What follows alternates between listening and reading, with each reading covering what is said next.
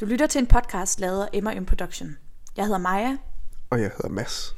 og vi vil de følgende minutter fortælle jer om den russisk-ortodoxe kristendom. Så læn jer tilbage, og må Gud være med jer.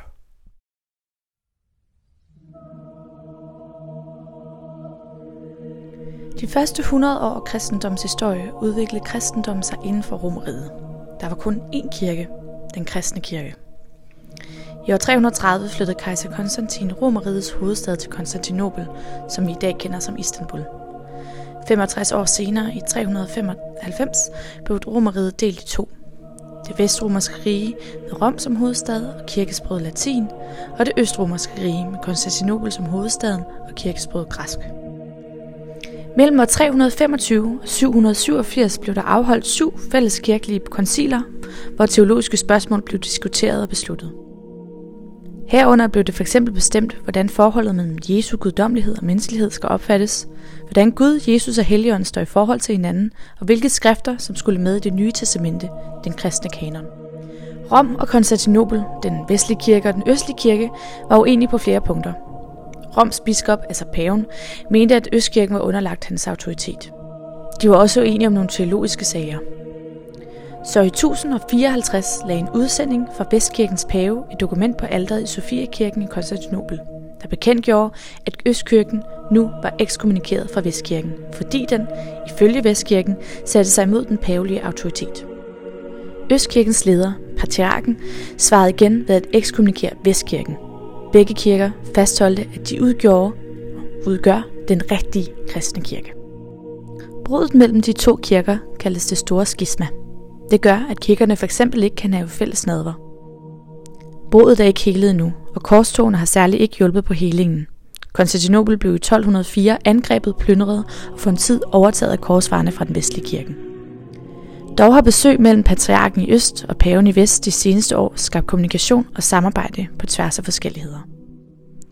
Da Konstantinopel faldt til muslimske erobrere i 1453, blev Rusland det nye centrum for den ortodoxe kristendom. Derfor kaldes Moskva ofte det tredje rum. Den russiske kirke følte sig som en selvstændig ortodox kirke og gav derfor krav på at få deres egen patriark, hvilket lykkedes i 1589. Den ortodoxe kirke består i dag af flere indbyrdes selvstændige kirker. Kirkerne har hver især deres eget overhoved, enten i form af en patriark eller en ærkebiskop. Patriarken over Konstantinopel har dog æresforrang, altså højere rang end de andre kirkelige folk, men han har ikke ret til at blande sig i de enkelte kirkers anlæggende. De forskellige kirker udgør en enhed med hensyn til gudstjenesteform og troslærer, men afviger f.eks. i det kirkelige sprog. Den russisk ortodoxe kirke bruger f.eks. kirkeslavisk til gudstjenesterne. Det, som kendetegner den ortodoxe, mere specifikt den russiske ortodoxe kirke, er den sløjformede kupler oven på kirken, som ifølge præsten i Alexander Nevsky kirken i København repræsenterer de mange lag i religionen, som når ind til hjertet.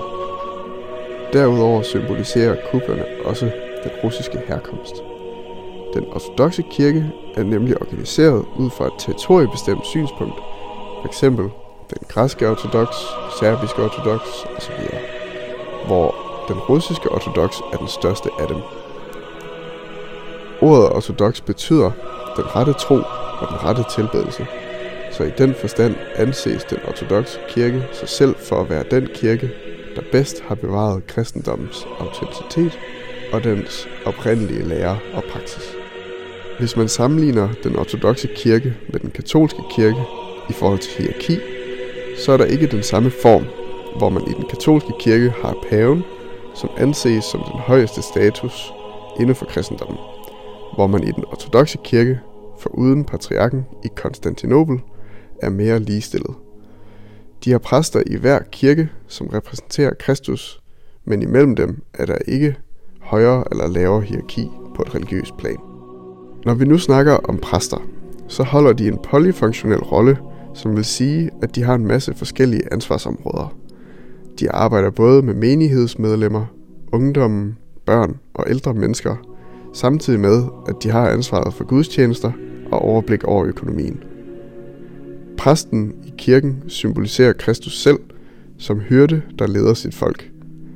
For at blive præst i den ortodoxe kirke, skal man tage en præsteuddannelse.